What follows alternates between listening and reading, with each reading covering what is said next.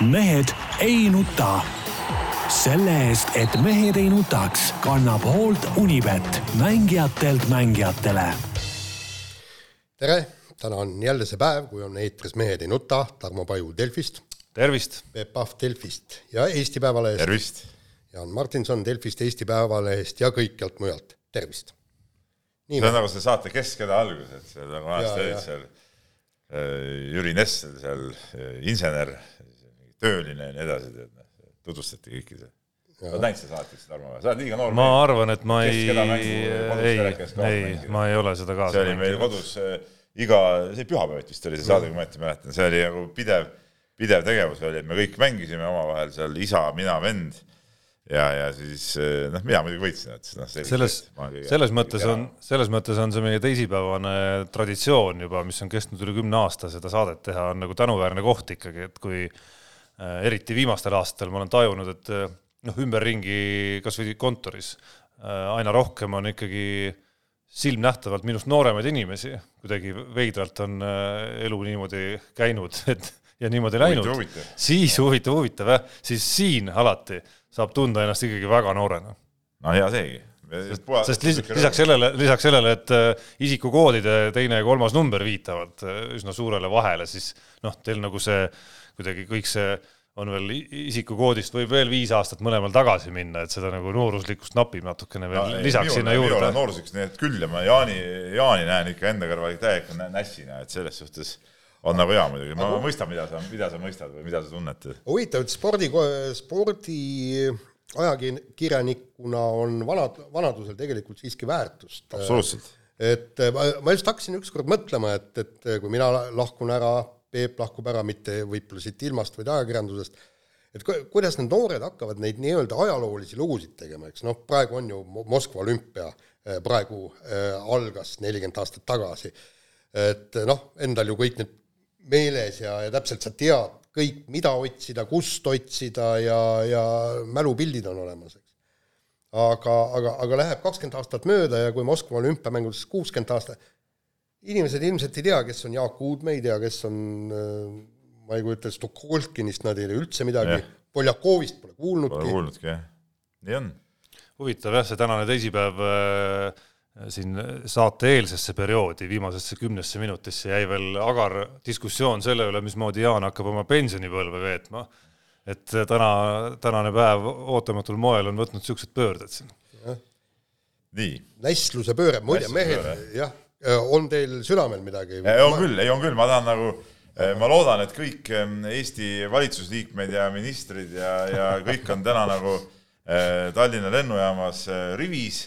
Nii nagu omal ajal käidi maskidel vastas, siis äh, täna, ma tean, televaatajate jaoks muidugi ei ole täna, kes meie saadet siin laupäeval vaatavad, aga, aga siis teisipäeval äh, on saabumas siis äh, lennuk Ukraina põllutöölistega, mis on siis Eesti kõige tähtsam sündmus üldse ja, ja, ja, ja kogu valitsus, ma arvan, seal rivis, on neid tervitamas, kummardamas, põlvitamas, kui hümni mängitakse ja nii edasi, et, et et selles suhtes noh, midagi see meie spordijutt, noh selle kõrval ei maksa tegelikult mitte midagi. ja, ja, ja kusjuures tuleb vastu võtta täpselt nii, nagu kunagi vastu võeti, mäletad, soola ja leivaga?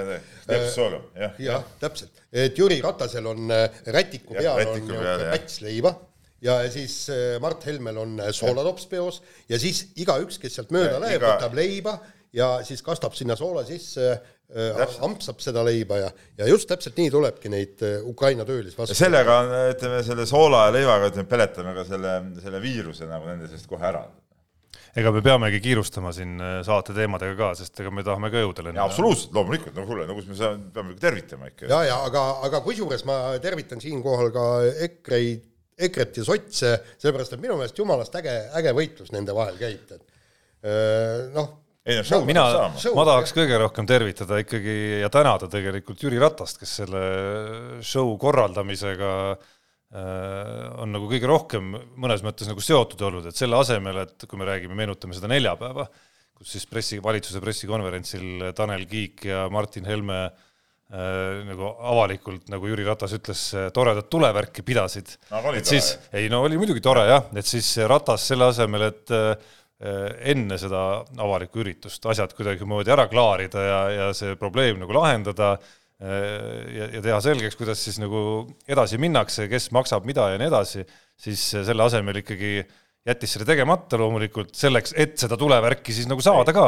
ja ma ütlen, et au ja kiitus talle, au ja kiitus talle, ütleme. no milleks, milleks, milleks, milleks see show nagu ära võtta, täitsa tasuta kusjuures. jaa, absoluutselt. Ja, ja kusjuures eh, kogu selle show jooksul ta ka ei sekkunud, ta oli lihtsalt niimoodi itsitas ja irvitas. imelik oli ainult see, et ta naudiskles seda. ei, imelik oli ainult see, et ta ei nautinud nagu täiega, et nagu tänapäeva temaga ikkagi noor inimene ka võrreldes teiega, siis äh, natukene see nutisõltuvus kipub tal olema, et kui te vaatate ja et kui te vaatate seda salvestust, siis ta ikka väga pikalt oli nutitelefonis, et äh, meil tegelikult, Jüri, kui sa kuulad, tuleb saate jooksul kiires vahemängus üks selline teema ka, mis äh, natukene õpetab, kuidas sellest nutisõltuvusest vabaneda. jah, ja, ja, ja seal oli otsene küsimus Helmele, kas te keeldute täitmast peamis-, peaministri korraldust, on ju, selle peale peaministri itsitas, on ju, selle asemel, et Peep, kui niisugune küsimus oleks meil toimetuses näiteks, ükstapuha, on, ole, olen see mina, vana näss, või on mõni noor reporter, kõik niimoodi, kes keeldub midagi tegemast, sinu korraldust, ja Tarmo tuleb ja küsib, kas sa tõesti keeldud Peebu korraldust täitmast ja siis Peep ihihi ahahhaa seal itsitab. ma arvan, et see läheks, asi läheks karmiks, ma igaks juhuks proovida seda ei taha. ära proovi, jah. nii, nii., nii, lähme nüüd spordiga edasi ja räägime kodusest jalgpallist. esmalt FC Flora liigub vaikselt, kuid järjekindlalt meistritiitli suunas, viimati saadi ka jällegi kena võit, aga aga on igasuguseid skandaale ja muid, muid jamasid selle asemel, et, et keskenduda nüüd nagu jalgpalli mängimisele, on siis äh, FC Levadia ja Nõmme Kalju omavahel nüüd äh, tülli pööranud äh, Sergei Leppmetsa ehk siis väravvahi pärast, kes Levadiast lahkus, ütles, et temal on profikorvpalliga kõik, läheb muposse profi tööle. jalgpalliga siis? jah, profi jalgpalliga kõik, läheb muposse tööle ja nüüd ühtäkki kae-kae ütleb, et tahab hoopis Nõmme Kaljusse minna mängima jalgpalli. no aga miks ka mitte, tähendab, kas inimene ei või siis nagu ümber mõtelda?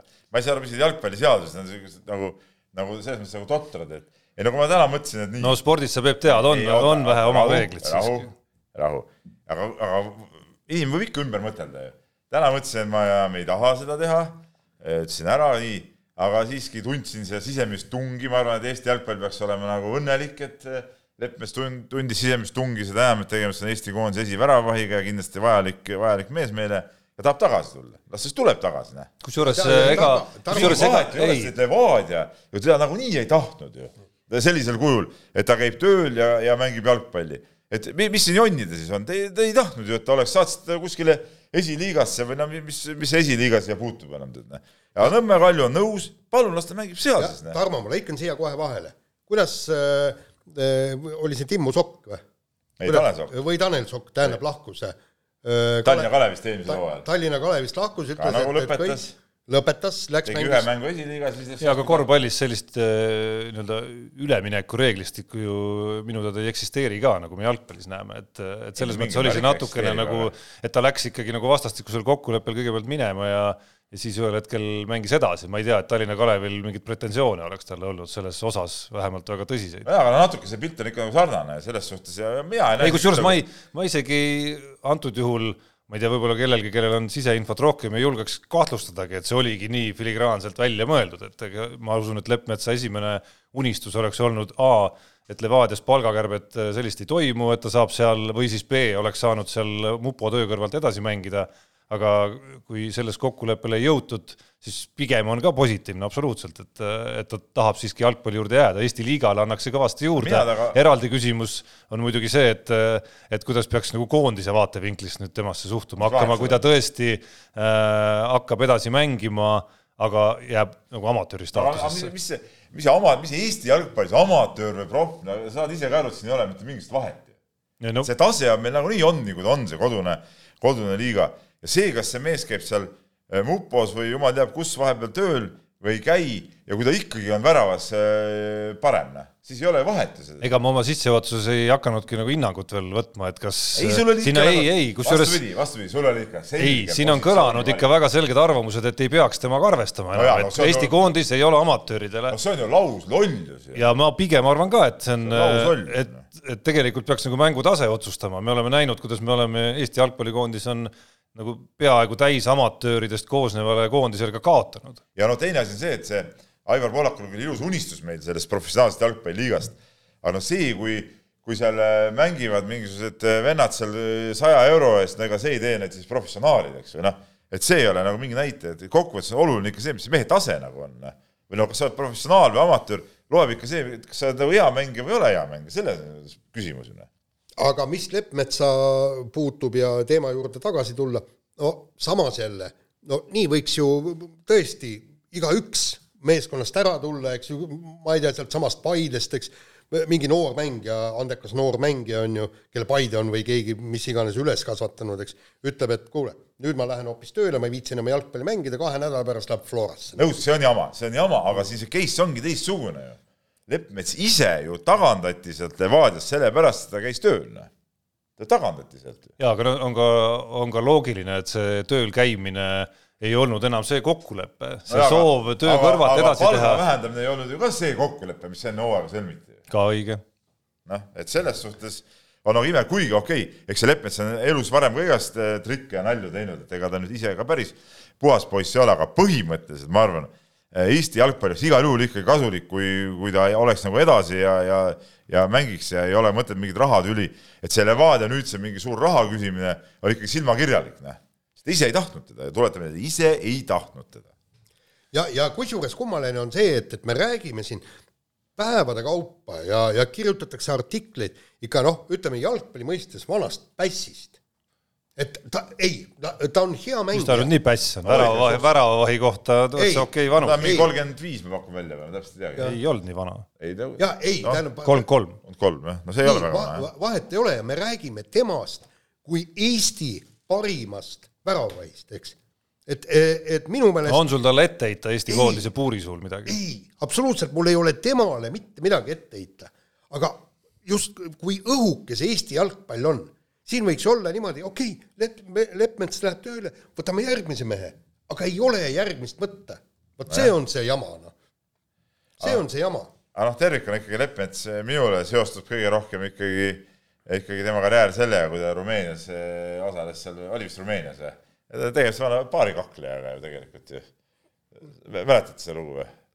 tema oli ju see, kes seda ei mäleta? jah, kes seda ei tea, nagu vaatas üks näoga, et ta enam ei mäleta. midagi tuleb meelde, jah. see on nagu, see nagu kirjeldab selle mehe karjääri nagu väga, väga selgelt, et noh, et noh, nalja peab saama. jah, aga mis koondist puudutab, sa, Jaan, räägid, et ei ole kedagi võtta, et noh, iseenesest äh, üks meie järgmisi jalgpalli suuremaid lootusid üleüldse ongi väravavaht, et Karl-Jakob Hein, kaheksateistkümne aastane, iseküsimus on nüüd, kas ja kui valmis äh, on ta, on ta selleks, et tõustagi juba praegu koondise esiväravaiks.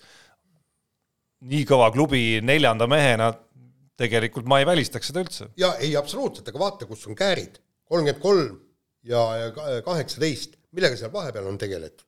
no see vahepeal ka mingid mehed ikkagi on, aga ütleme, nad ikka nii, nii headeks pole No- osutunud. no just. jah, nii, aga vahetame teemat äh, ja kui alustasime saadet äh, tüliteemadel ja tülilainetel, siis äh, tüli on alati kõva. siis tüli on üleval ja tegelikult juba mõnda aega ka Pärnus, kus siis Audru ringraja eelkõige seal kandis elavad kohalikud äh, koguvad siis allkirju äh, müra vastu, mis, mis sealt pidevalt kostub neile ja siis teiselt poolt siis autospordi entusiastid koguvad nii-öelda vastuallkirju, et lõpetage ära see Audru ringraja kiusamine. no ühest no. küljest nagu justkui mõlemal, mõlema probleem on ju täiesti arusaadav. Arusaadav, ühed ei taha müra ja teised tahavad äh, oma sporti edasi teha. Ellas, elades ise üsna lähedal Ämari lennuväljale ja kuuldes nagu seda lennukite müra seal, eriti kui need eh, NATO eh, elukad sealt õhku tõusevad ja, ja maanduvad ja mõnikord meelega üle majade lendavad, siis, siis ma täitsa mõistan muidugi Audru Jah. inimeste mured, aga olles kusjuures k- käinud külas sealkandis, kus Pärnu linnas siis, kuhu see eriti soodsa tuulega see müra jõuab, siis noh, siis teinekord tõesti need üritused käivad ju nädalavahetuseti ja, ja, ja enamasti terve päev, et see tähendabki sul laupäeva või pühapäeva või mõlemat päris korraliku heli taustal. jaa, ega see ringraja sinna eile ei ehitatud, see ringrada on seal juba olnud tükk aega, ütleme seal äh, vana ringrada oli ka sisuliselt sealsamas, samas piirkonnas, et seal on kogu aeg see olnud ja ja seal on igast müratõkkevallid ja noh, ma, ma, ma muidugi ei tea, ma ei ole, ei ole ise kogenud seda, kui sa ütled, sa oled seal kuulnud ka seda müra siis ma ikkagi ei taha nagu uskuda, et see kogu aeg nagu see probleem nagu püsti on, okei okay,, jah, mingi soodsa tuulega mõnikord kindlasti, aga et see pidevalt nagu on, seda ma hästi ei taha uskuda. Ja peale selle eh, kohalikule nii-öelda eh, mingile turismile ja, ja asjale, et see mingit eh, elu annab ka juurde, ma arvan. jaa, aga, aga muide, Peep, vot siin ongi nüüd minu meelest on see ja kõikide nende Nende probleemide ju, öö, puhul, kui midagi ehitatakse, on siis see mingi kaevandus või on see mingisugune raudtee või kõik nii, siis minu meelest tuleks jõuda kokkuleppele, kus ka see nii-öelda elanik oleks rahul sellega, et see müra seal on ja lõppkokkuvõttes osta siis need kondid välja, kui tõesti häirib ja selgub, ei no see jutt müür... käib seal ütleme päris suurest osast linnast tegelikult, et ma räägin äh, sellest konkreetsest näitest, mida ma kirjeldasin, ma räägin ikkagi kohast, mis on juba linna sees reaalselt, et noh, sa ei osta poolt linna üles. küsimus on võib-olla, et kui seda rada nagunii seal ju noh, tehti ju täielikult ringi mõni aeg tagasi, et noh, võib-olla siiski kaheksa või üheksa aastat tagasi. ja et noh, võib-olla oleks võinud selle siis hoopis nihutada kuskile kaugemale, et noh, näiteks nagu see kus vormel ühe esimest etappi peeti Austrias, kus ma olen ise ükskord kohal käinud, see on ju täiesti noh, ei kellegi maal tegelikult mägede vahel, ei sega mitte kedagi. jah, aga, aga see küsimus oleks tulnud lahendada ära enne, kui see ringrada sinna ehitati, sest praegu noh, kas keegi kujutab ette, et nüüd see ringrada paneme kinni selle Eesti ainsa ringraja, no see ei ole ka nagu mõeldav. aga muide, mis ma, eh, mis ma eh, tahan öelda selle nii-öelda eh, koha, kohalikega nii-öelda sõbrustamisest nii-öelda ringrajal, siis ma olen käinud ise spaaringrajal, mis on küll tegelikult, ta, ta on ju tegelikult tavaline transportsõlm, see ei ole nagu ringrada, see on nagu põhimõtteliselt on tänavarada, see elu, noh, nii, aga mis on hästi huvitav, on see, et seal need kohalikud Äh, annavad äh, nii-öelda oma põllumaad ja hoovid ja kõik partlateks. ja, ja kui ma seal käisin ja vaatasin, seal ongi niimoodi, et, et vend ei peagi põldu, temal on palju kasulikum võtta need öö, äh, teatud motovõistlusele võib-olla, ma ei tea, kui palju seal aastas toimub, võib-olla kolm-neli-viis. ja kui ma vaatasin, kui palju rohkem, seal autosid... kahtlustaks, et niisuguses kohas rohkem isegi. jah, nii, ja, ja, ja kui ma vaatasin, kui palju sinna põldule, põllule autosid, noh, umbes niimoodi lugesid üle, eks niisugune tuhat autot, eks, ja päevapilet oli umbes kakskümmend eurot. kakskümmend tuhat eurot päevas. ja pane nüüd kõik, kõik see, mida lähemal ringrajale, seda, seda rohkem saad küsida, eks. ja, ja pane see, ei olegi tõesti mõtet seal vilja kül-, külvata. no muidugi. jah, ja kannatad selle mõne päeva mürinat ära, aga minu meelest lahendust head lahendust selle Pärnu ei no ainuke hea lahendus on see, ma ei tea, peab müra siis..., müratõkked üle vaatama, et seal võib-olla neid kõrgemaks teha või, või kui, kui seal on, on sellest mingit abi, et eks seal peavad mingid teadlased või, või kes oskavad seda nagu hinnata, seda müra, müra levikut seal asjad üle korra vaatama. jaa, aga, aga seegi need... see, et ringrada likvideerida praegult ei ole ka võimalik, see on, see on nagu selge, selge. just, aga mäletate seda kui kompleks on seal, ma alles hiljuti seal käisin ühe ürituse raames, kompleks on seal vägev ja, ja, ja ringrada on Eesti mõistes ikkagi, ikkagi suurepärane. ja, ja, ja kuidas kohalikud ei no võimalik elanikud... on kõike, lihtsalt äh, selle hind on väga kõrge, muud midagi, kes, kes selle kinni maksab? Et kuidas kohalikud e-, elanikud tegutsesid, võitlesid ja võitsid, mu ka ringrada, meil oleks siin võib-olla vormel üks etapp olnud mingisugusel nõukogude ajal, aga seal e, plaaniti ju Muuga ringrada, mäletad? mäletame, mäletame. jah, ja, ja, ja kohalike elanike vastuseisu tõttu ringrada ei toimunud. kas see on õige, kas see on vale, ma ei tea, aga, aga seal igal juhul kohalikud said võidu. see oli veel Nõukogude aja lõpus? Nõukogude aja lõpp, jah ja.. nii aga äh, küsimus on nüüd, probleemid on üleval ka Kalev Cramo korvpallimeeskonnaga, selge on see, et nad on VTB ühisliigasse registreeritud, mängud peavad hakkama septembri lõpus, aga, aga õhus on jätkuvalt küsimus, et kuidas Kalev Cramo saab käia mängudel Venemaal ja kuidas Venemaa meeskonnad saavad tulla mängudele Eestisse, et kui teadupärast Venemaal koroonakriisi tõttu on, on, on meie mõistes nagu punase punase riigina ja, ja sealt tulles peab kaks nädalat olema karantiinis, aga no selge see, et sellisel kujul ei ole nagu võimalik äh, seda liigat mängida, kui siia kord Venemaalt tulles või kui mõni võistkond peab siia tulema, peab kaks nädalat karantiinis olema, et kuidas no. seda lahendada, noh, siin on ju variante erinevaid, eks ole, nii nagu KHL-i hokis. Riia Dünamo ja Hiina võistkond kolis Venemaale ja, ja Helsingi Jogerit tahetakse sinna ajada ja, ja et ta ongi mingi perioodi järjest Venemaal. jaa, aga, aga no siin ongi ju, Jogeritel on ju ka, neil ei ole kodumänge, eks seal on noh, finantsi ei tule sisse pealt, vaata, et no point tõsi, ega see finantsi äh, osa on nagunii päris suure küsimärgiga uuele hooajale vastu minnes, et piisab siin koroonanumbritel jälle tõusma hakata, kui ma arvan, et seesama luba, et Saku Suurhallis võib tuhat viissada inimest olla võib hakata jälle väiksemaks muutuma. jaa, aga, aga, aga ma tahan juhtida tähelepanu muidugi, see Tarmo kogu aeg nagu püüab õnnetust. püüab kogu aeg õnnetust no.. ta on, ta on nii muutunud, ütleme eh, nagu pessimistlikuks nagu eh, ütleme skeptikuks, no ei mingit optimismi. ei no Peep, vaata no, seda, vaata seda maailmakaarti no,, vaata neid numbreid. ja need tõusevad aga, enamikes kohtades aga, meie ümber. no jaa, aga meil praegu ei tõuse jaa, aga Peep, see on ju selge, et Venemaa meeskond kogu selle kambaga ei saa tulla sa-, Saku Suu ei, välja, no, välja mängida. no pluss Kalev käia igal, ütleme regulaarselt ikkagi üle nädala. ongi väga keeruline, ma arvan, et äh, mina ei ole isiklikult kindel, et Kalev Cramo tegelikult mängib VTB liigas järgmisel hooajal, kui tea, nad just ei ole valmis jah. tegema sama liigutust, et sõitma ikkagi päris mitmeks kuuks äh, Peterburi. nojah, aga siis nad ei saa jälle mängida ju kodust liigat no sätivad mingid kaks perioodi hooaja peale näiteks Peterburi, nii et on võimalik seal võib-olla mingi erikokkulepe selle isolatsiooni osas, et see ei ole neliteist päeva näiteks ja kuidagi niimoodi siis äh, vangerdada sealt läbi. ja Peterburis. aga mis mõte seal siis on? mis, mis mõte on mängida, ma mõtlen sedasama seda Hiina võistkonda.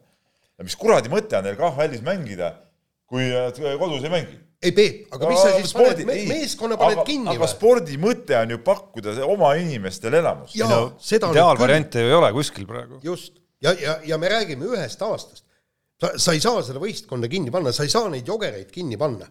siis, siis sa pead hakkama uuesti nullist neid mängijaid värbama ja, ja, ja, ja kõik muu. ei no kas ei võiks kuidagi nii olla, et needsamad need võistkonnad, kes käivad, need ongi nagu ütleme niimoodi nagu noh, ma ei tea, käivadki kasvõi näiteks bussiga okei okay,, Venemaal muidugi seal igal pool ei saa bussiga sõita, päris kauged kohad on. aga noh, et nad olekski nagu mingis või, või lennukiga siit Tallinnast otse lendavad näiteks öö, ma ei tea, Saratovisse, seal tulevad välja, mängivad ära, kohe lennukisse tagasi ja, ja koju uuesti. jaa, aga nad võivad sellest päris, päris kulukas ka muidugi. no jaa, aga noh, aga siis oleks nagu ja see, nojah, see vastasvõistkond võib ikka olla nakatunud. no just no,, jah, ikkagi jah, keeruline jah. väga keeruline ja et ja, ja, ja noh, tegelikult nagu pluss see väljavaade ma sellest siin eelmises saates või üle-eelmises korra nagu rääkisin ka, et see väljavaade ka mängijate värbamisel noh, ilmselgelt teeb asju keerulisemaks, et kes, kes on valmis niisuguse liigutusega, legionäridel pole vahet muidugi, aga et kus nad täpsemalt siis on, kas Peterburis või Kalevis või Tallinnas, vabandust, aga aga Eesti mängijatel ilmselgelt on päris no, suur vahe. eriti vanematel mängijatel, kellel on siin mingid perekonnad, asjad, no kes ei taha minna mitmeks kuuks kuskile pere juurest minema, noh et, et ma eile just rääkisin äh, Sten äh, Timo Sokuga ja ja ta ütles ka, et siin mingid detailid Kaleviga vajavad läbirääkimist ja rõhutas ka just seesamale äh, viiruse teemale, et, et, et see on nagu üks põhi, põhiküsimus, mis on vaja läbi rääkida, et, et, et mismoodi see asi hakkab olema kõik. Noh. nii, aga võtame järgmise teema ja Peep viibis äh, terve pühapäeva meie kuulsal Kadrioru staadionil, nautides Eesti kergejõustikut täiega ja see oli väga hästi, ma kohe, see oli väga hästi valitud, ütleme, niisugune päev ja hetk, sest pühapäeval teadupärast oli täielik leitsak. ja Kadrioru staadioni peatribüüni alune teadupärast. aga on kõige jahedam koht eh, Eestis, vaieldamatult. ja, ja kui ma saan aru, et eh, mujal oli kakskümmend kaheksa kraadi sooja, nagu mul siin ka abikaasa helistas vahepeal, ütles, et nii palav on, et ei, ei saa nagu ollagi, siis seal oli, ütleme nii, et oli nagu kergelt viluda võitu. et, et aga noh, mõnus oli olla, et sellisel juhul. ja no hakkasin... kas sa nüüd, kas sa panid selle teema, Jaan, siia selleks sisse, et nagu mind kadestada või? ei see te teema on tegelikult selleks, et sa räägiksid, Peep, nüüd äh, asjast, et kas Eesti kergejõustikus midagi rõõmustavat ka nägid? ma, ma, ma vaatasin neid tulemusi, ma kerisin kõik need tulemused äh, äh, läbi ja ma ei näinud ühtegi tulemust, mille üle võiks aplodeerida, okei okay, no,, Ander Heili. Ander Heili kuulutõus on päris okei okay.. aga see on ka üheksateist kopikat. tegelikult, no jaa, ta on, tegemist on äh, noore kuulitõukega ja teadupärast kuulitõuge ei ole noortemeeste ala. et seal on, no ütleme, see on nagu väga okei okay.. tegelikult aga Xenia Balta sooritus ei olnud nagu väga paha, kerges vastutuules, ta on kerge, tal ei ole niisugust lihasmassi, kes niisugustes oludes väga läbi rammiks, jooksis oma parima tulemuse niisuguse vastutuule kohta. Jumala okei okay., sealt võib no kaugushüppe Eesti tema on kaugushüppe, mingu hüpaku kaug. see näitabki, küll ta läheb, Eestikat tuleb välja, palun väga, aga, aga kui me räägime nüüd tervikuna, siis mind isegi ei häiri mitte niivõrd need tulemused, vaid mind häiris see, see oli Eesti klubide karikavõistlused, Eestis on seal kergejõustikuklubisid igasuguseid vägevaid. ja siis on terve rida alasid, kus on stardis kaks, kolm, neli sportlast. No mida kuradit, ma ei saa aru. no mis, mis, mis asja, kus need sportlased on siis või? või mis need, mis need klubid ei pane välja neid sportlasi? no ma tahtsin just hakata. mis, mis jama see on? kuidas saab olla nii, et, et meeste neljasaja meetri tõkke, okei okay,, see on jube raske ala, eks ole, jube raske ala. üks mees stardis, üks mees, näe, siis jooksis, ma ei tea, kas jooksis minutiga seda umbes või? No, mis, mis, mis nali see on? no aga sa ise, Peep, koroonakriisi ajal kirjutasid loo, oli ju sinu lugu oli see, et kriis sõelub nagu lödipüksid ei, välja, onju, et kes teevad trenni, kes ei tee, onju, pärast kriisi on näha kohe. ütleme neljasaja meetri jooksu, mäletad ise ajakirjanike kümnevõistluse aegadest, ütleme, see on ilmselgelt kõige rõvedam ala üldse, mida minna jooksma, kui sa ei ole väga treenitud. no jaa, aga noh, kuule, come on, no, no klubide karikavõistlusel iga koht annab ju punkte. no kuidas saab olla nii, et vanasti pandi küll seal käidi, kus oli olnud nagu ma ei tea, mingit, mingi ala vendas, mingi teise ala mees, kes tegi, saaks klubidele, klubile punkte, see oli nagu auasi oli, et sa saaks kõva koha. no praegu tundub, et seal lasti nagu täitsa nagu lõdva selle sammusega, tead, noh, et see oli nagu väga halb ja Eestis ei ole neid kergejõustikuvõistlusi nii, nii palju, et, et saaks nagu sellist asja endale lubada. ma just tahtsingi kusjuures seda nagu jätkata seda teemat sellega, et, et sellest hoolimata needsamad klubide karikavõistlused olid ju silmapaistvalt äh, nagu esinduslik, vaadates, mis võistlusi meil üldse on toimunud no, või et ei ole toimunud. et, äh, et miks meil neid võistlusi rohkem ei ole alal, kus äh, praegu peaks olema nagu hooaja tipp, kus kõik suured võistlused on ära jäänud, et, et miks nii vaikne see on, aga noh, kui osalejaid ei ole, siis ja huvi ei ole osaleda, siis pole kellelegi korraldada ka. selles suhtes vaata, sa ütled, et et noh, Balta kaugushüppaja, mina võtan mütsi maha Balta eest, ta tuli välja, tegi korraliku äh, soorituse korralikul alal, tõi klubile võidupunktid ära, tipp-topp. Rasmus Mägi, okei okay,, tal oli mandilõikus hiljuti, no tuli, jooksis teadet seal, noh, ka ikkagi nagu äh, tubli. aga ma ei tea, kus seal, kus, kus osad vennad olid. Martin Kupper, suur meie kettahiid, okei okay,, ta eelmine päev heitis heitjate seeriavõistlusel seal, äh, kukutas varba peale ketta, sisuliselt sai napilt kuuskümmend meetrit. järgmine päev enam ei sobinud starti tulla, eks ole, tead noh Vasaras oli seal, ma ei tea, kaks naist, no alasid nii palju, et odas oli täitsa nalja, naljatase, eks ole, noh. Et, et ei, ma ei saa sellest aru, jah, ma ei saa sellest aru. huvitav, kas see, kas see on nagu mõtteviisi muutus või mis, ma mäletan oma noorusaega, kui, kui me läksime ju rajooni noorte meistrivõistlustele, alati komplekteeriti, seal oli see, et, et sa said kolme ala teha, eks. ja, ja siis oligi näiteks, minule vaadati need alad, kus on võimalikult vähe, vähe osalejaid et kaks ala ma pidin tegema, üks oli teivashüpe ja üks oli käimine näiteks ja tänu sellele ei, ei see on päris ja, hea kombo. teivashüpe ja käimine äh, kusjuures teivashüppes sain meil ka kolmanda koha. sa oled, sa oled osalenud käimisvõistlustel. ei, oot-oot-oot, ei ole. oota, ma räägin ära, eks. Äh, sain teivashüppes kolmanda koha, kuna üks vend ei võtnud, neli osalejat oli ja üks ei saanud algkõrgusest üle. nii, aga käimises äh, läksin sa said järelikult ah?, sa said järelikult ei, ma sain jah. mis kõrgus? no põhimõtteliselt kaks kaheksakümmend hüppasin lõpuks, aga, aga mis põhiline oli, oli see, et, et läksin käima ka ja oli kaks osalejat, aga teine vend ikkagi loobus. ja, ja kui oli üks osaleja, siis ala ei toimunud, et ma oleks võinud rajooni tšempioniks tulla või vähemalt hõbeda võtta.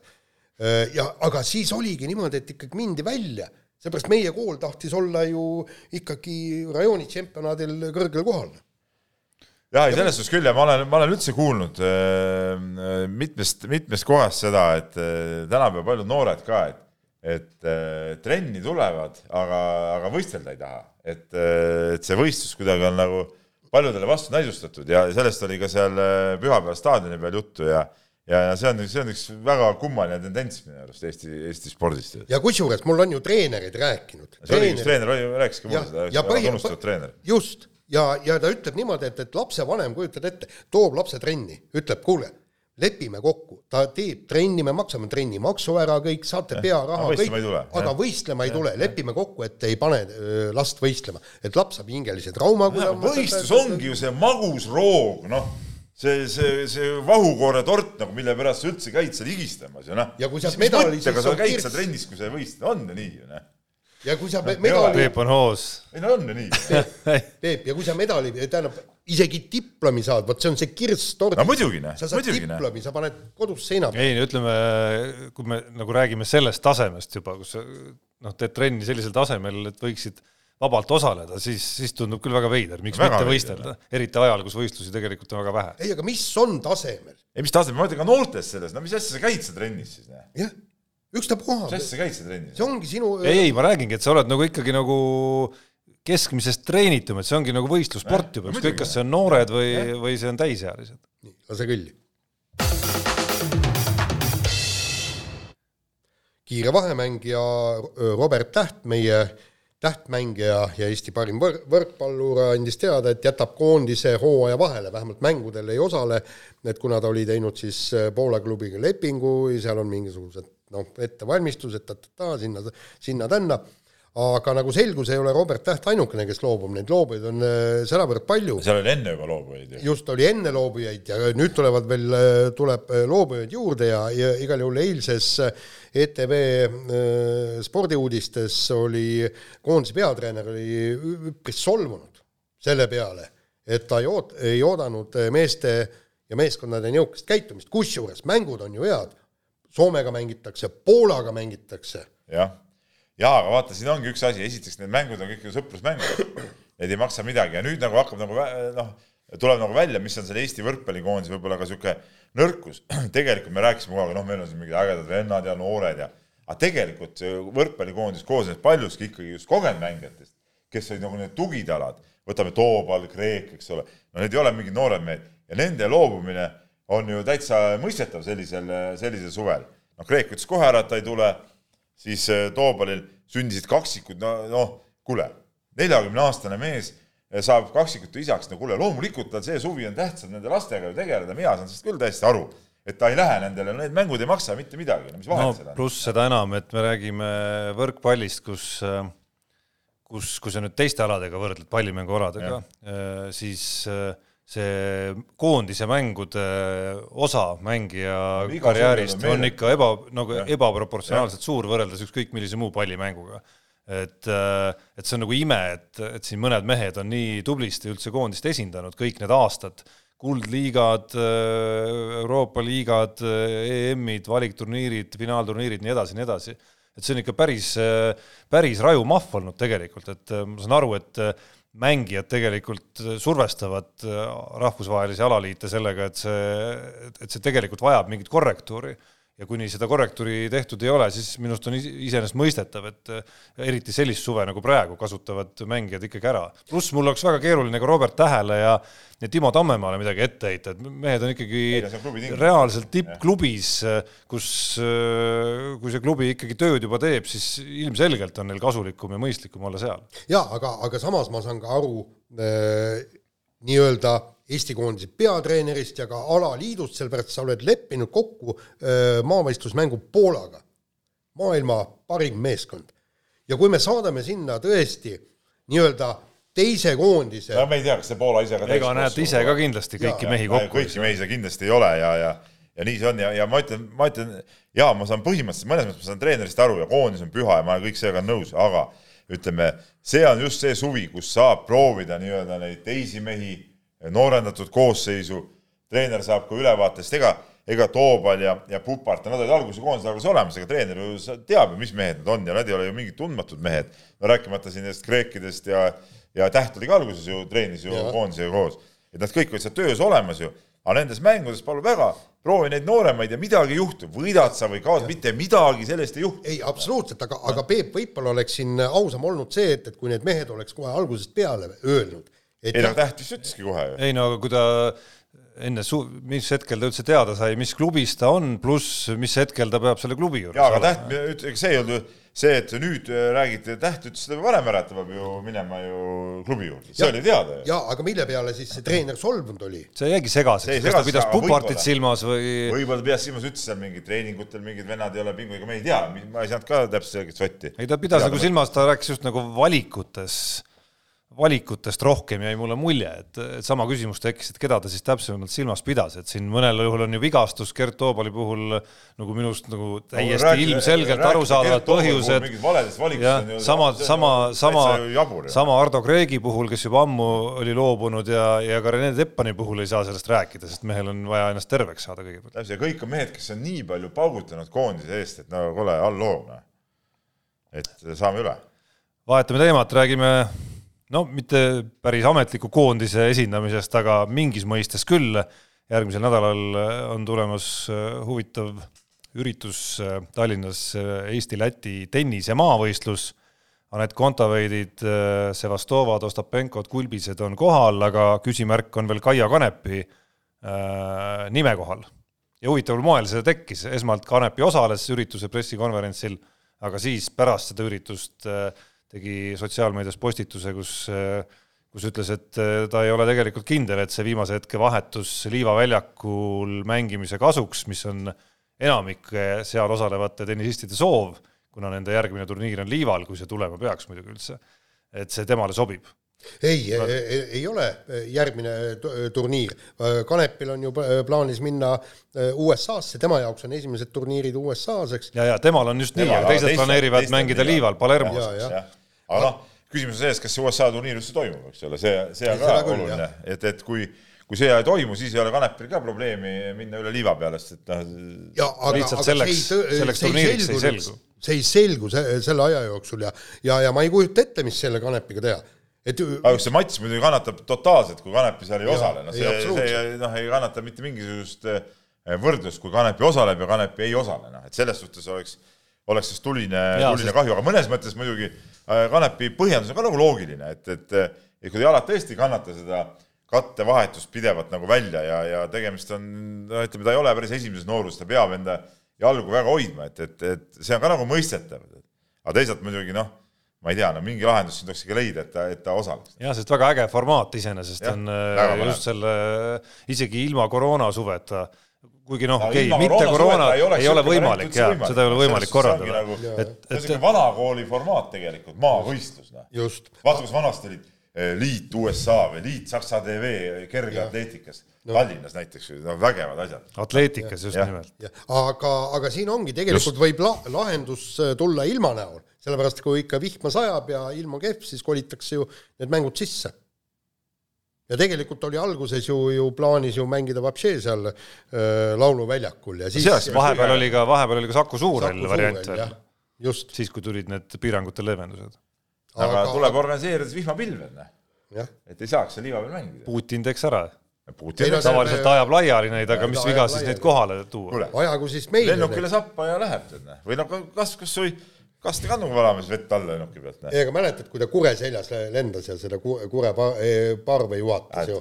kured tulevad pissivad kõik alla. no ma ei tea, mida, ei okay,, see oli okay., mäletad, kui ta ju, kured ei teadnud, kuhu lennata. ei, ma, ei ma seda pilti nägin. aitas neil õiget teed leida oli ju? ei no seal, see raamat oli ka, kus see poiss lendas hane seljas. ikka, ikka, pissis ka kindlasti. Nils Holgersson. ikka, ikka, ikka. oled lugenud või? jaa, loomulikult. aa, ma mõtlesin, et sinu põlvkond enam ei lugenud seda. vastupidi, mina olen äh, see oli ju sellest põlvkonnast. Meret Sarjast minu arust, sa ei tea sellest sarjast midagi. nalja teed või? noh, kas sa oled lugenud seal seda äh, kaks kaptenit. kaks kaptenit, Tissa jõe kaldal näiteks piirivalvurite uskumatud lood, eks ole. kindlasti ma ei ole kõiki, kõiki neist ja. lugenud, aga ütleme, minu lapsepõlve saatjad, eelkõige Jules Verne'i raamatud kapten Grantid ja kõik need. noh, natuke. viieteistaastane kapten, saladuslik saar. natuke vabandasid välja, aga noh. ei, siin ei ole vaja vabandada. Tarantel oli veel kõva raamat, jah. see oli jälle, ütleme, niisugune Nõukogude, ütleme, propaganda. aga Nõukogude propagandaraamat on hea. seda on tore lugemine. nii, aga läheme nüüd edasi ja, ja tegelikult eh, mul on kahju kõikidest eh, nendest, kes ei, ei lugenud eh, eelmisel nädala lõpus, siis ilmus Märt Roosna ma ütleksin, üks selle aasta suurepärasemaid intervjuusid äh, Alari Jõesaarega, siis Tartu Bigbanki mänedžeriga, suurepäraseks tegi selle, noh, Märt oskas hästi küsida ka, aga aga Jõesaare väga selged, otsekohased ja, ja, ja ja noh, ütleme niisugused vastused, millele on võimatu tegelikult vastu vaielda. Ja, ja kahjuks võib-olla see ei saanud nii palju lugemist, ma soovitan kõigile, kes nüüd seda saadet kuulavad, vaatavad, et otsige see intervjuu üles ja ja, ja lugege läbi.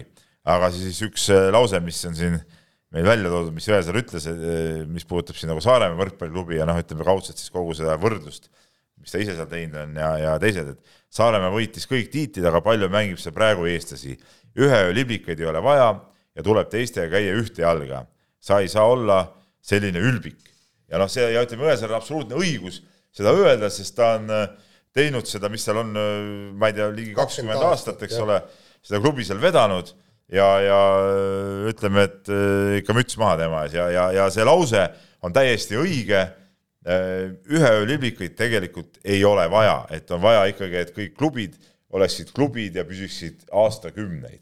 ja teine... sihuke, et keegi tuleb ja lööb mingi rahapataka letti ja ostab mingeid mängijaid üle ja, ja sellega lööb kogu see turu paigast ära, et see on küll tore, jah, meil on siin mingid euromängud ja see kõik, noh, iseenesest on nagu vahva, aga teisalt see nagu tegelikult eh, kaevab nagu auku kogu, kogu liigale ja, ja kogu alale. ja, ja teine asi, mis tema sügav mõte oli see, et, et, et Saaremaa on üks see, kes, kes tahab väga sinna Soome minna ja kõik ja siis öö, olevat torisenud selle peale, et teised ei ole sellega, selleks nõus, et, et Eesti-Soome liigat ühendada ja, ja kõik, kõik see. Ja nagu ta ütleb, et tuleb käia ühte jalga et sa pead ikkagi vaatama ka, millised on need teised klubid. ja nagu ta ütleb, et okei okay,, võta oma väljamaalased, kui sa tahad euro, euroliigat mängida, eks, aga see, et, et sa, sa ostad nagu kogu maailma kokku ja, ja siis proovid siin ja võidad selle Eesti tiitli ja oled hirmus uhke, on ju, sest ma olen tegelikult kogu aeg rääkinud, et et mis mind meeletult häirib kogu sellel tänapäevase spordi juures, on see, et võidab see, kellel on rohkem raha või siis ka mitte ei võida, vaid noh, vähemalt on tipus, kui me võtame kas või see Inglise jalgpalliliiga või kõik, eks. seal on rikkad meeskonnad, kes aina võidavad, Barcelona, Hispaanias, Real, eks, nemad, nemad mängivad ja see sõltub rahakogusest. ja, ja, ja see on ka täpselt samamoodi, Eesti võiks ju iseenesest rahulikult ära võita selle VTB ühisliiga korvpallis. kui, kui tuleks mingisugune vend ja laoks ma ei tea, sada miljonit, kakssada miljonit lauale. aa, no sedasi jah. ei, ma mõtlengi.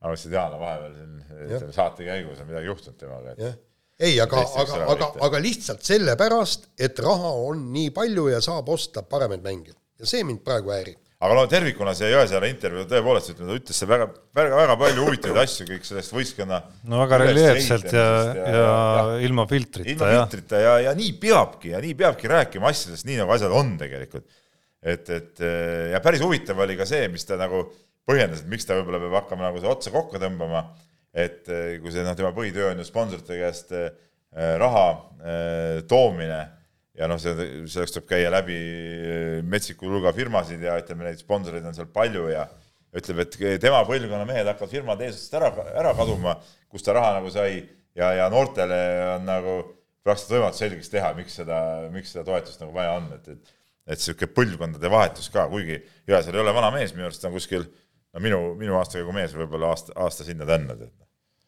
nii, aga võtame järgmise teema ja Kelly Sildaru, meie äh, kuul... kuula nüüd Jüri Ratas. ja kuula nüüd Jüri Ratas, jah. meie kuulus freestyle suusataja sai vähendada oma nutisõltuvust, enam nii palju äh, nutis ei olnud ja millega? võttis endale koera.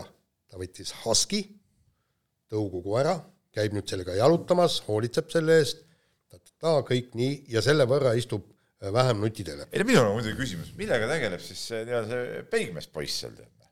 et, et äh, kas peigmees ei olnud nagu piisav stiimul, et vähem olla nutitelefonis, et ütleme koer käia jalutamas. jah, käia jalutamas kõike teha seal no igast äh, muid värke, eks ole, ja olla seal. Kas siis see ei olnud piisav stiimul, et nüüd nagu koer võttis siis ütleme selle rolli üle, et koer ongi siis nüüd tähtsam kui, kui peigmees. no, no mis, mis toimub, ma ei saa aru. ma küll ei kujuta ette, et, et, et ütleme, naine võtaks minu asemel koera. mul koer muidugi on, aga no koer on nagu noh, ütleme õuekoer. jah, et selle asemel. ma kujutaks ma kujutaks küll ette seda. ma arvan, et seal mingid võid, mingid võidumomendid on täitsa juures. aa, mul või? ei, su naisel. aa, ei noh sa oleks nõus sellega või? ei, selge, lähme nüüd, saade lõpeb ära, lähme sealt nõus. proua juurest läbi ja ma ütlen nii, kui Tarmol on ettepanek, et, ähm, et sa oleks, et su elu oleks parem, võta endale kutsu.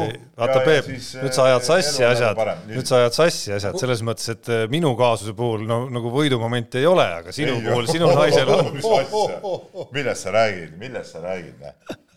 aga Jüri Ratas, mis puudutab siis oma naist nagu teenindama mis-, saad alles no, roheline selles valdkonnas vot. sa oled, vot minu arust on siin nagu saate ajaloo suurim vastuolu tuli praegu välja või vastupidi, lõpuks sa paljastasid ennast, et pärast kõiki neid aastaid, mis sa oled rääkinud sellest, millises eh, teenindavas rollis naine peab kodus olema tunnistasid sa nüüd tunnistasid sa nüüd lõpuks üles, kuidas sa oled aastatega ikka Ei, õppinud õppinud ikkagi ise see teenindaja olema. jälle sa keerasid praegu tõde valesse suunda, naisel on omad eh, teenindavad rollid, mehel on omad teenindavad rollid. et sa oled ikkagi, ikkagi aru saanud nüüd lõpuks mitukümmend aastat te koos räägin olnud. kord, mitukümmend aastat, naistele naiste tööd, meestele meeste tööd. ma olen kogu aeg seda kultiveerinud ja jätkan, jätkan selle kultiveerimist. et äh, lõpuks sa oled ikkagi aru saanud, ma saan aru, nagu Sulev Nõmmik selles legendaarses äh, Kärna-Ärni klipis, kus ta ütles, et et meil on maitse on ka ühtemoodi, aga mul läks lihtsalt aega, et aru saada sellest. jah, Jüri Ratasel muidugi koer on olemas, et võib-olla seal peitub tegelikult just see, miks ta pressikal siis neid, seda telefoni näpib, et ta muidu on koeraga hästi palju ja siis äh, Ko koer kaasa võtta pressikale, muidugi, siis tegeleb, pissitab teda, toidab seal ja tõesti seal ei ole. sügab seal laua all. sügab jah. mis laua ei, kus sul lauda võib olla, nagu Partsi kass oli vanasti ka. aga kus see kass võtab koera sülle ja sügab süles sind, et no väga mõnus niimoodi siin Mhm. samal ajal räägib. jah, ja kus see kass muide kadunud on, oli ju seal Stenbocki majas. kas ta mitte ei surnud ära nüüdseks ikka? Millal Parts oli peaminister, mingi kolmkümmend aastat tagasi umbes. jaa, aga alati võib uue kassi võtta. mis Parts nüüd saanud on, mis ta läks kuskile Euroopasse mingiks kontrolleriks või oli või? midagi pole kuulda olnud enam, see on vist niisugune koht, kuhu lihtsalt minnakse, võetakse suur raha ja seal nagu, nagu keegi ei kuule ega näe sind enam kunagi. no ma siiamaani ootan, millal see, mäletate neid legendaarseid äh, valimisreklaame, kus ta munad läksid kuskile. poekassas seal äh, lubas ma- maidega, maide ilmasid kokku ei. aga Juhan Partsule siit äh, tervitusi, ta oli ju Aga ta oli meie ka saate spordimees muidu. ta oli Jah. meie saate ju kirglik kuulaja, Jaa, mäletate? siiamaani, ma arvan. jaa, ma usun siiamaani, et tervitame, aga tahaks midagi kuulda, et ma ei tea, tee, tee midagi. tee häält. ei no tee häält, et ütleme, ületaks mingi uudiskünnise, noh. Et siis oleks nagu äge ka ikka, tead. nii, aga uudisekünnist äh, nüüd muidugi anname nagu kaarnatele ette siin lihtsalt äh, jah, ma oma mikrofoni lülitan välja. uudisekünnise ületamisega viimasel ajal ei ole mingeid probleeme Lewis Hamiltonil, kes ma pean ütlema, et isegi nagu minu jaoks äh, üle võlli on natuke oma asju mingil määral on ajanud vastu ja, peast põrunud lihtsalt Ja- vormelisõit on lihtsalt ajud välja raputanud. ja lisaks sellele, et ta on ajanud siis äh, äh, oma protestiteemadega terve vormelimaailma tülli omavahel põhimõtteliselt, kuna ta mitte lihtsalt ise ei protesti ainult, vaid, vaid nõuab seda reljeefselt ka kõikidelt kolleegidelt, siis äh, lisaks äh, on väga tuntud vegan Lewis Hamilton siis oma koerast teinud ka taimetoitlase ja ajanud sellega tigedaks loomakaitset. no kuule, veel idiootsemat mõtet, kui teha koerast äh, taimetoitlane, no selle, no see, see viitab ju, et sul mingi, seal peab olema mingi vaimuhälve ja noh, ja kõik see, et ta selle võidusõidu asemel, see kõik tähtsam on see, see põlvili maas püherdamine ja, ja see mässamine seal ja nõudmine mingeid, ma ei tea, mis imeasju tal seal vaja on siis, meil on siin paar kirja ka sel teemal muidugi tulnud, pärast saame sealt veel lugeda neid ettepanekuid, no see on ju läinud üle, üle igasuguse piiri. see on läinud üle igasuguse piiri ja tegelikult ma, ma ütlen, ma, see, see vormel üks on niivõrd igavaks juba. Ja sõit ei paku üldse mitte midagi, noh. mitte midagi. ma räägin, ma tulin sealt pühapäeval tulin sealt staadionilt ära, mõtlesin, et noh, et, et vaatan siis seda eh, vormelit ka ja jõudsin toimetusse, no seal sõidu viimane kolmandik oli peal juba, noh, polnudki midagi vaadata. aga just täpselt, jah. täpselt niisama igav, kui oli seal kergejõustikustaadionil, oli ka see vormeli pilt, aga no ma ütlen, kui seal see eesotsas on jah, niisugune mees, kes, kes nagu ise ka ei taju enam, mida ta teeb, siis, siis, siis nii ongi. noh. Unibetis saab tasuta vaadata aastas enam kui viiekümne tuhande mängu otseülekannet. seda isegi mobiilis ja tahvelarvutis. Unibet, mängijatelt mängijatele nii, Tarmo, Unibet. noh, mina hoian kindlat kurssi. Stabiilselt püsid paigal. püsin paigal. no ma võtsin sama taktika Ahah,, nii et ega ai, sa ai. selle taktikaga must mööda ei saa. siis, siis ma pean asuma tegudele, sest ma mu- lootsin, et sa, sa siiamaani mulle selge ees nagu vastu ei, ei, nüüd ma otsustasin, et ma ikkagi lasen sul eksida nüüd natukene. Aga mis sa, Jaan? ei, ma olen ka stabiilselt, stabiilselt saan pähe. aa, aga on sul üldse jäänud sinna ei, ei, veel on ikka, ei ikka noh, tähendab, kui enne pa- panin kaks panust, ühe võitsin, teise kaotasin ja siis nüüd panin kolm panust, millest Kaks kaotasid, ühe kaotasin, ühe võitsin, et ühesõnaga mul on nüüd kakssada kümme eurot, aga see on piisav äh, summa selleks, et alustada uut tõusu. absoluutselt, jah. no samas tempos jätkates oled sa novembriks kuskil seal noh, sellises seisus, et on viimased viis eurot ja see tuleb panna mingisugusele koefitsiendile kakskümmend. aga me võime talle hea protsendiga laenu anda muidugi ei, aga põhimõtteliselt kuule, viie euroga ma panen mingisuguse kümnese rivi, noh, ükskord peab ju pihta minema. no tegelikult muidugi Jaanil, ütleme, ei ole ka mingi probleem, sest raamatumiljonitest ise sinna arvele kanda mingisugune suurem summa. näed, aga ta ei eitanud neid miljoneid praegu, näid. ta ei eitanud neid. nii, aga et me saaksime kirjade juurde kiiremini minna, millal siis... ma saan selle pettuse raha tagasi ükskord siis äh, siis äh, soovitan teil päeva jooksul hoida silmi lahti, nagu iga hetk tegelikult peaks tekkima ja saama valmis koefitsiendimeistri Terri Panuse, meedianuta eripanuse siis äh, selle nädala korvpalliturniirile. Eesti, Läti, Leedu on võtmas Balti mere karikaturniiril mõõtu. koosseisud enam-vähem on ju paigas, üksikud väiksed küsimärgid on jäänud seal, mis kindlasti muidugi vähemalt, mis Kristjan Kullamäed puudutavad mängivad päris olulist rolli selles osas, milliseks need koefitsiendid võiks kujuneda. ehk siis see, see eripanus saab olema selle kohta, kas Eesti saab sellel turniiril null, ühe või kaks võitu. muidugi äh,, noh, seal muidugi Leedu koondis on päris äh, tugev, kuigi seal esimese suuruse ässad on puudu, aga tervikuna ikkagi. no Marius Grigonis. ei, ei, no seal on, ei on täitsa ei, esimene suurus. jah, nojah, okei okay., on küll jah, et mõned võib-olla veel kõvemad mehed on puudu, aga, aga tervikuna muidugi Leedu koondis, no seal on veel häid mehi ikkagi et, et selles suhtes on hea. Läti on küll niisuguste, Läti koondises näiteks on kaks, kaks tuhat poissi, sünniaastega poissi, kellega ma ise olen mul on alati hea vaadata neid noori, kellega oma poistega, kelle vastu on põrutatud ja mängitud, et mängisid see aasta ka seal äh, Eesti-Läti liigas, et noh, täitsa üllatav oli, et nad koondise said.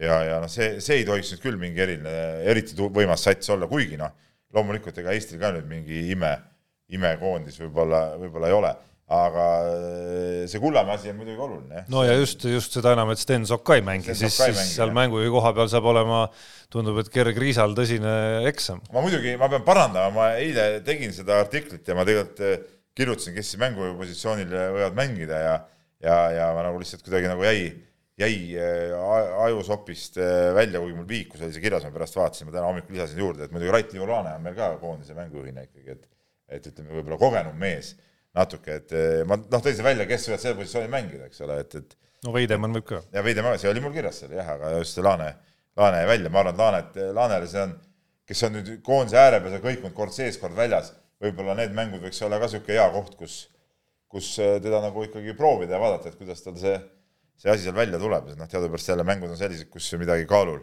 otseselt ei ole. nii. kirjad. kirjad, nii, meil on aega seitse minutit viiskümmend sekundit täpselt ja teadlane Priidik alustab provokatiivse kirjaga meile ja ta ise ütleb ka, et see provokatiivne, et kui lubate, siis esitaks seekord täiesti provokatiivse küsimuse. teatud määral on see seotud minu paari eelmise saate küsimustega ja teatud määral jälle teemaks tõusnud kommunismi ohvrite memoriaali ümbruse teemaga. seega, kas Levadia oli või on Vene klubi? noh, mehed. no eks ta kunagi oli aga, aga praegu ma küll ei ütleks, et, et ta nagu Vene klubi, ta on, ta on ütleme niimoodi, rahvusi ühendav klubi. See no, eks ta täiesti, natukene täiesti roosamanna vastus oli. ei, aga ta ongi nii, aga ta tegelikult ongi. ei no eks ta rahvusi ühendav klubi. No, kas Flora on rahvusi ühendav klubi või? ei, Flora on pigem Eesti klubi. aga miks ta ei ole rahvusi ühendav klubi, seal on ka ju ja, on välismaalasi. on küll, aga, aga no ütleme niimoodi. Nõmme Kalju? no, no veel rohkem rahvusi ühendav klubi. Paide linnameeskond? no no, võt, mul jääb segaseks, mul jääb segaseks see vajadus seda tingimata defineerida, et, et ei, selge see, et Infoneti ja Levadia liitumisel ikkagi seda, kuna Infonet oli ikkagi väga selgelt sealt nagu piir, juba piirkondlikult väga selgelt ennast nagu platseerinud, siis selgelt tuli seda, seda nii-öelda Vene suunda nagu juurde, ilmselgelt äh,. vale, vale. tegelikult vastupidi, minu arust varem oli Levadia rohkem Vene klubi kui praegu, sest vanasti oli Levadia ikkagi ja. puhtalt, seal mängisidki sisuliselt ainult äh, ainult vene rahvusest mängijad, noh, ta oli ju Maardu Levadia, noh, Maardu on ka ikkagi nagu ütleme, nende no sellest, Peep, on ikka väga palju aega möödas. räägime kõik, vaat, vaat meil on Jaaniga ajalooline mälu, mida sul ei ole. olen isegi, võin sulle öelda, ma olen isegi Maardu staadionil no, käinud. no see oli mingi juhus, eks ole. et eh, varem ta oli rohkem eh, Vene klubi, aga praegult ma ka nii, nii ei näe, seal on ju Eesti kutte ka ja, ja no ka klubi tegevtöötajate seas. absoluutselt, Indrek Peterson, meie vana kolleeg, eks ole, ja, ja kõik, et ei nii, nii ei saa praegu tegelikult määratleda seda. et ma nüüd ei hakkaks mingit siukest segast ka ajama, nagu Jaan ütles, mingi rahvusi ühendav klubi, aga aga, aga noh, ta on jalgpalliklubi nagu tänapäeva jalgpalliklubid on, et seal nagu nagu see asi ongi läinud selliseks internatsionaalseks natuke. jaa, aga, aga, aga samas mind ei häiri, häiriks ka, kui, kui äh, Levadia või, või mõni klubi võtakski äh, noh, nii-öelda enda imidžiks olla äh, just, et vene rahvusest jalgpalliklubi. Vaata, kunagi olid ju Russ ja oli noh, see oli juba vabariigi aegadel ja kõik. jaa, no see oli jah. ja, ja need olid väga selgelt rahvuslikud klubid ja, ja oligi nagu juudiklubid on, eks ole. jaa, olidki. Makaabi no, oli Eestis oli ka ju. jaa, ja Makaabid on ka praegu levinud ikkagi, selles suhtes välja mujal kui Iisraelis tegelikult on olemas. aga, aga, aga ma ei ole kindel, et nagu... tänapäeva niisuguses tolerantses ühiskonnas niisugune asi läbi läheks. aga, aga see, et, et võtta tõesti, hakkab mängima jaa, aga meie ju võitleme tolerantse ühiskonna vastu teadupärast ju siin jaa, ei seda kindlasti, aga, aga see, et, et võtta nüüd tõesti näiteks see, äh, hakkakski mängima Tallinna Russ jalgpalli ja jalgpalliklubi, minu, minu meelest see ei ole midagi hullu. ei no küsimus on, mis selle mõte on, et äh, nagu nii-öelda mingile piirkonnale pühendumine ilmselgelt on nagu loogilisem tee, kuidas siiski oma klubi kasvatada. Ja kui sa vaatad, kus Levadia tegutseb, siis äh, noh, siis on loogiline, et sinna jõuavad äh, täiesti mõlemast, nii eesti kui vene rahvusest kasvandikud, et Lasnamäe poolt pigem nagu üht, ühte poolt ja siis Pirita ja sealtkandist nagu teist poolt. vot ma ei tea, palju, ma tunnistan, ma täpselt ei tea, palju see Pirita poolt seal sees on. ei no kui sa vaatad koosseise. palju on äh, Eesti, no Eesti eestikeelsed noortetreenerid seal. ja aga..., ja et me räägime asjadest, millest, kus me detailides väga kursis ei ole, aga kui esindusmeeskonna. mina esindusmeeskonna baasil, et me ei saa seda niimoodi määrata. kui sa vaatad esindusmeeskonna U kakskümmend üks koosseise puhtalt nimede põhjal, siis kindlasti see nii-öelda Vene tiitel ei ole õigustatud. ja igal juhul seal on Eesti, Eesti poisse täiesti, täiesti korralikult. aga see, et, et me, mind häirib natukene see, et, et me tahame teha vene rahvusest inimesi eestlaseks, nagu me, nad, nad peavad umbes niimoodi eesti keeles rääkima, ei tohi vene keeles rääkida, kõik, et me proovime neist teha eestlasi. Vene kultuur on, on tegelikult no eesti keeles rääkimine suur. siiski meie riigis ei, võiks nagu, võiks ei, nagu saada kas, reegliks. kas mitte meie suur juht ja õpetaja Gunnar Press ei öelnud, et et, äh, et see äh, rahvus, noh, kuidagi on niimoodi, et, et vene, venelane ei saa olla nagu eestlane tegelikult. no ega ei ja. saagi, see muidugi ei saa, aga eesti keele oskamine ei ole, ei ole, need asjad ei välista teineteist. ei, ei, nad ei välista, nad ei välista, aga, aga me ei saa neist teha eestlasi ja, ja venelased peavad igal juhul uhked olema, et Aga nad on venelased, nagu meie oleme uhked. nii nagu me ju tahame, et näiteks, et kuskil need välismaal elavad ütleme kergelt reeturlikud kodanikud oleksid ikkagi nagu eestlased, et nad ikka hoiaks seda eestlust ja oleksid Eesti üle nagu uhked, noh, räägiks eesti keeles ja nii edasi. No nüüd sa lähed mingi libedale teele, et siis võiks hakata rääkida, et kõik äh, siin olevad muulased on ka reeturid. mõnes mõttes kindlasti oma kodumaa suhtes. Lähme edasi, enne kui see. aga, aga mis seal vale on, mis seal vale on, ütle mulle võta järgmine kiri, meil on aega kaks minutit. kaks minutit nelikümmend sekundit ja võtame Siim Pärna kirja ja, ja see viitab ka teatud probleemile. asi, millest olen viimasel ajal palju rääkinud, peab veel rääkima, kas Eesti autospordis on ikka asjad hästi, kui oma mehed, sealhulgas ka meie hetke ainus noor lootus, ei saa raha nappuse tõttu isegi kodus startida. väga kurb, no jutt käib siis Rally Estonias ja mitmed ähm, rallimehed, ütleme Eesti võib-olla kodustest meestest kõige mm. kiirem mees, Egon. Kaur tahab sõita siis äh, noored mehed tahavad siin äh, selles juunior WRC-s sõita, et see käib see raha kogumine, eks ole, tead noh. et me natuke eelmises saates ka sellest rääkisime, eks ole, aga, aga ütleme neid, neid äh, raha kogumise kampaaniad on nüüd ikkagi päris kõvasti käima pandud, et, et ma ei usu hästi, et kõigile, kõigile siin äh, jagub seda raha, tead noh. jaa, aga see on probleem, aga seda probleemi ei, ei suuda Autospordiliit kahjuks lahendada moel või teisel. see tuleb ikka autospordi kallu, kallisusest nagu. no absoluutselt, oleks meil, oleks meil siis tõesti suur ja tugev äh, alaliit, nagu on, on Belgias või, või Prantsusmaal või, oleks Autom alles. jah, Autom ja autokool. ei, Autom oli kõva. jah ja see on see riidest nokats. täna on mingi nõuka nostalgia eri, ma saan aru. nii, aga nüüd ma olen jätnud siia, kui meil on poolteist minutit saate lõpuni, Jaanile ekstra küsimuse Eno Astokilt ja Eno, meie vana hea kirjasaatja, kirjutab nii, Jaan, Jaan, kes ei väsi igal võimalikul juhul Soome spordisüsteemi, spordiajakirjandust ja nii edasi ähm, Eesti spordile eeskujuks toomast, peaks ilmselt oma pöialiiside soperdise äh, korvamiseks nüüd kirjutama toetava arvamusloo ka selle kohta, siis ta on pannud siia spordiuudiste ühe lingi, kus soomlased muutsid reeglid, arvutimängur võib saada aasta parimaks sportlaseks. Enovis küsib, ütleb siis, et kas kirjutame selle arvamusloo või siis jätkame oma elu silmakirja teenrina, nagu tänaseni seda teinud on. ei, teatud, teatud mõttes on soomlased tõesti mõni, mõnede asjadega üle võlli läinud. Nad on parasportlase valinud Soome parimaks sportlaseks, mis ei pruugi olla vale aga, aga Noid tolle aasta valikut vaadates, et, et see oli noh, nagu kummaline. ta oli kummaline jah, ja, ja, ja, ja ma olen üsna kindel, et õige pea valivad nad ka selle Pöialiisi Soome parimaks, sellepärast et noh, kuidagi näidata, Soomes sai ju, naised said ju esimesena vist valimisõiguse üldse maailmas, et nad tahavad kogu aeg revolutsiooni vasta ikka küsimusele. mis asja? sul on kümme sekundit aega vastata ei, kõik on õige. kõik on õige, Jaan. tuleks Eestil, Eestis ka teha. jaa, ei, tehakse, ära muretse. Jaan, sa oled rumal inimene ja sellega, selle tõdemusega eh, on saade meil lõppenud. mehed ei nuta. Saate tõi sinuni Unibet, mängijatelt mängijatele